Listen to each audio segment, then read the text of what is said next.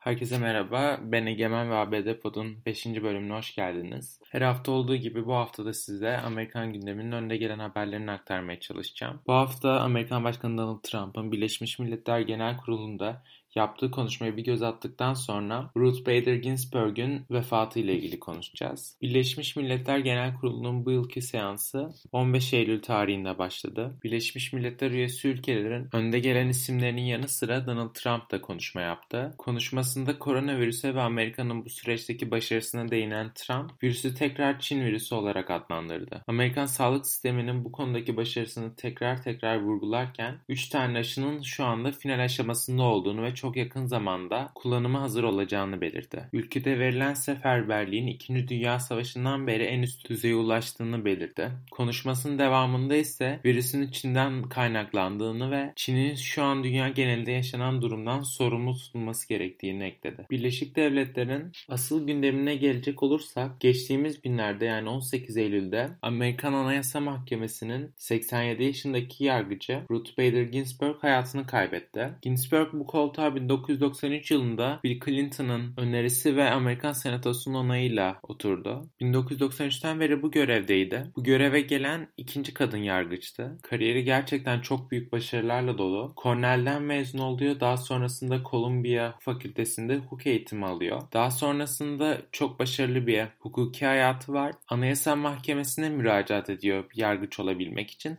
Ancak o zamanlarda kadınlar toplumsal hayatta daha geri planda olduğu için bu pek de kolay olmuyor. Ama en sonunda 1993'te Bill Clinton'ın ataması ve senatonun onayıyla göreve geliyor. Göreve geldiğinden beri aldığı kararlar ve savunduğu fikirlerle bir ikon haline geldi. Feminist ve liberal kimliğiyle tanınıyor aslında. Özellikle kadın erkek eşitliği ve eşcinsel hakları konusundaki sert tutumu sadece Amerikan halkının değil bütün bir dünyanın takdirini toplamıştı. Zaten vefatının medyada bulduğu yankı da bunu kanıtlar nitelikte. Son yıllarda kendisine önce pankreas kanseri sonrasında akciğer kanseri tanısı konulmuştu ve uzun bir süredir tedavi gördüğü de biliniyordu. 18 Eylül Eylül'de de hayata gözlerini yumdu. Aslında Ginsburg'un vefatı Amerikan siyasetinin ve yargısının geleceği için de oldukça önem taşıyor. Çünkü mevcut konumuna baktığımızda Amerikan Anayasa Mahkemesi'nin toplamda 9 üye var ve 9 üyenin 5'e daha muhafazakar tandanslı üyeler. Geriye kalan 4 üye daha liberal politikaları destekleyen ve kararlarında liberal değerleri ön planda tutan isimlerdi. Ancak mahkemenin en liberal ismi olarak bilinen Ginsburg'un vefatı ile birlikte mahkemedeki liberal isim sayısı 3'e düştü. Peki bu ne demek oluyor? Ginsburg'un boşluğu nasıl dolduracak? Anayasaya göre Anayasa Mahkemesi'ne yargıç atama yetkisi başkanda. Ancak bunu başkan tek başına yapamıyor. Kendisi birini tayin ediyor ve daha sonrasında bu ismin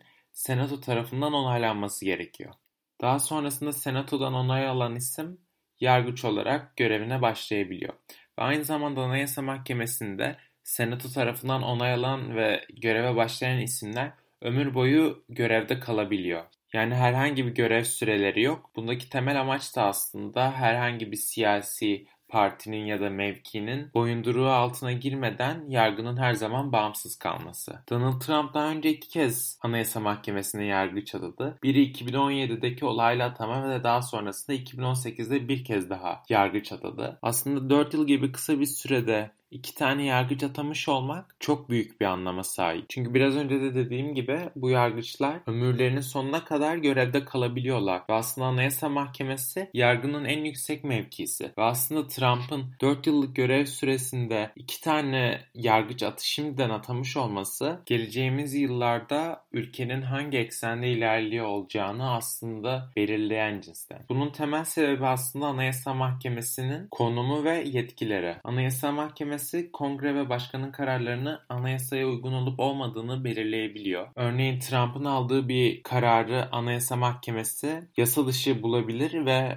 bu şekilde bu kararın önüne geçebilir ya da aynı şeyi kongreye ya da devletin herhangi bir birimine uygulama yetkisine sahip. Özellikle konu ülkeyi bölen silahlanma, sağlık sistemi, kürtaj ve eşcinsel hakları gibi konulara geldiğinde daha da önem kazanıyor. Örneğin 1900'lü yıllarda kürtajın 2015 yılında da eşcinsel evlilik evliliğinin tüm ülke genelinde yasal hale gelmesinde Anayasa Mahkemesi'nin liberal çoğunluğu büyük rol oynamıştı. Şimdi ise olası bir yeni muhafazakar yargıç ile Cumhuriyetçiler bugüne kadar özellikle Obama döneminde alınan sağlık sistemi ve eşcinsel hakları ile ilgili olan kararları hükümsüz kılıp bu tarz politikaları kendi düşünceleri ekseninde yeniden tasarlayabilir. Peki madem Trump'ın böyle bir yetkisi var şu an neden bunu kullanmasın ve demokratlar ve cumhuriyetçiler arasındaki tartışma neye dayanıyor? Şöyle ki bu durumun aynısı 2016 yılında da yaşandı. Obama görevi bırakmadan önce Anayasa Mahkemesi'nde bir koltuk boşaldı ve bu koltuğu Obama'nın mı dolduracağı yoksa yeni gelecek olan başkanın mı dolduracağı tartışma konusu oldu. O dönemde Senato'da cumhuriyetçi bir çoğunluk vardı ve, ve bu cumhuriyetçi çoğunluğun Senato'daki lideri de Mitch McConnell'dı şu anki gibi. Ve Mitch McConnell Obama'nın yeni bir yargıç atamasının önüne geçti. Çünkü Obama'nın liberal bir isim atayacağını biliyordu ve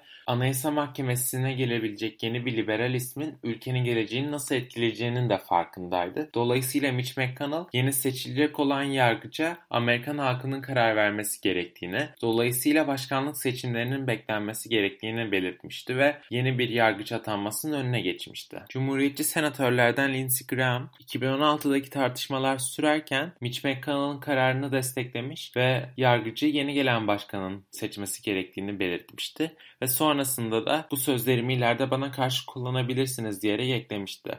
Ancak aynı Lindsey Graham ve aynı Mitch McConnell şu anda 4 yıl öncesinde kurdukları cümlelerle tamamen çelişiyorlar. Mitch McConnell yaptığı başsağlığı açıklamasının hemen ardından Senato'nun Trump tarafından gösterilecek yeni yargıç adayını seçimden önce onaylaması gerektiğini ve bunu yapacağını söyledi. Bu açıklamanın ardından Washington karıştı. Demokratlardan açıklamalar ardı ardına geldi. Öncesinde Clinton sonrasında Amy Klobuchar yeni yargıç ataması için yeni başkanın beklenmesi önlenmesi gerektiğini vurguladı. Trump ise açıklamasında Anayasa Mahkemesi'ndeki boşluğun bir an önce hiçbir erteleme olmadan derhal doldurulması gerektiğini ve Ginsburg'un yerini dolduracak ismin bir kadın yargıç olacağını söyledi. Beni aslında Cumhuriyetçi cepheden en çok şaşırtan açıklama Mitt Romney'den geldi. Mitt Romney 2012'de Barack Obama'ya karşı olan Cumhuriyetçi başkanlık adayıydı ve aslında baktığımızda Trump çok da Trump ekseninde olmayan bir politikacıydı Mitt Romney. Daha merkezi, daha ılıman ılıman fikirleri olan ve aslında Obama ve Obama yönetimini radikal bulup daha ılıman bir ismi Amerikan başkanı yapmak isteyen seçmenin desteğini alarak güzel bir kampanya süreci yürütmüş ve sonrasında da çok az bir farkla seçimi kaybetmişti. Ancak Mitt Romney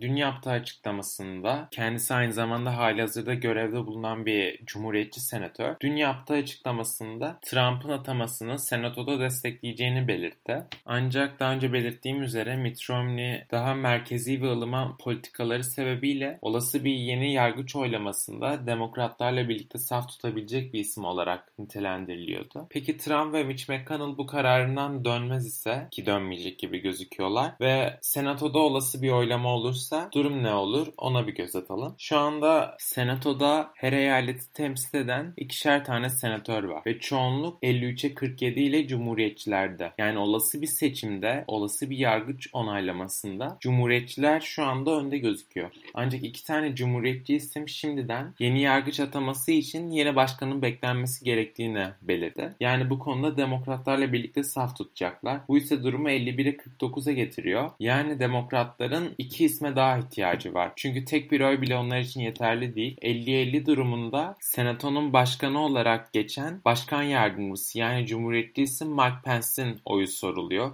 ve Mike Pence'in Cumhuriyetçilerden yana saf tutacağını düşündüğümüzde yine 51'e 51 Trump zaferi görüyoruz. Aslında demokratların totali 47 bile senatörü yok. Toplamda 45 demokrat isim ancak iki tane de bağımsız senatör var. Ama bu senatörler genellikle demokratlarla birlikte çalışıp daha onların tasarılarını destekleyen isimler olduğu için demokratlarla aynı tarafta sayıyoruz. Kişisel fikrim demokratların bu atamanın önüne geçemeyeceği yönünde. Çünkü gerçekten baktığımızda senatodaki çoğunluğa baktığımızda yapabilecekleri pek de bir şey yok. Ancak çok da kesin konuşmamak gerekiyor. Önümüzdeki günlerde hep birlikte izleyip nasıl sonuçlanacağını göreceğiz. Bu haftalık bültenimiz bu kadardı. Dinlediğiniz için çok teşekkür ederim. Haftaya görüşmek üzere.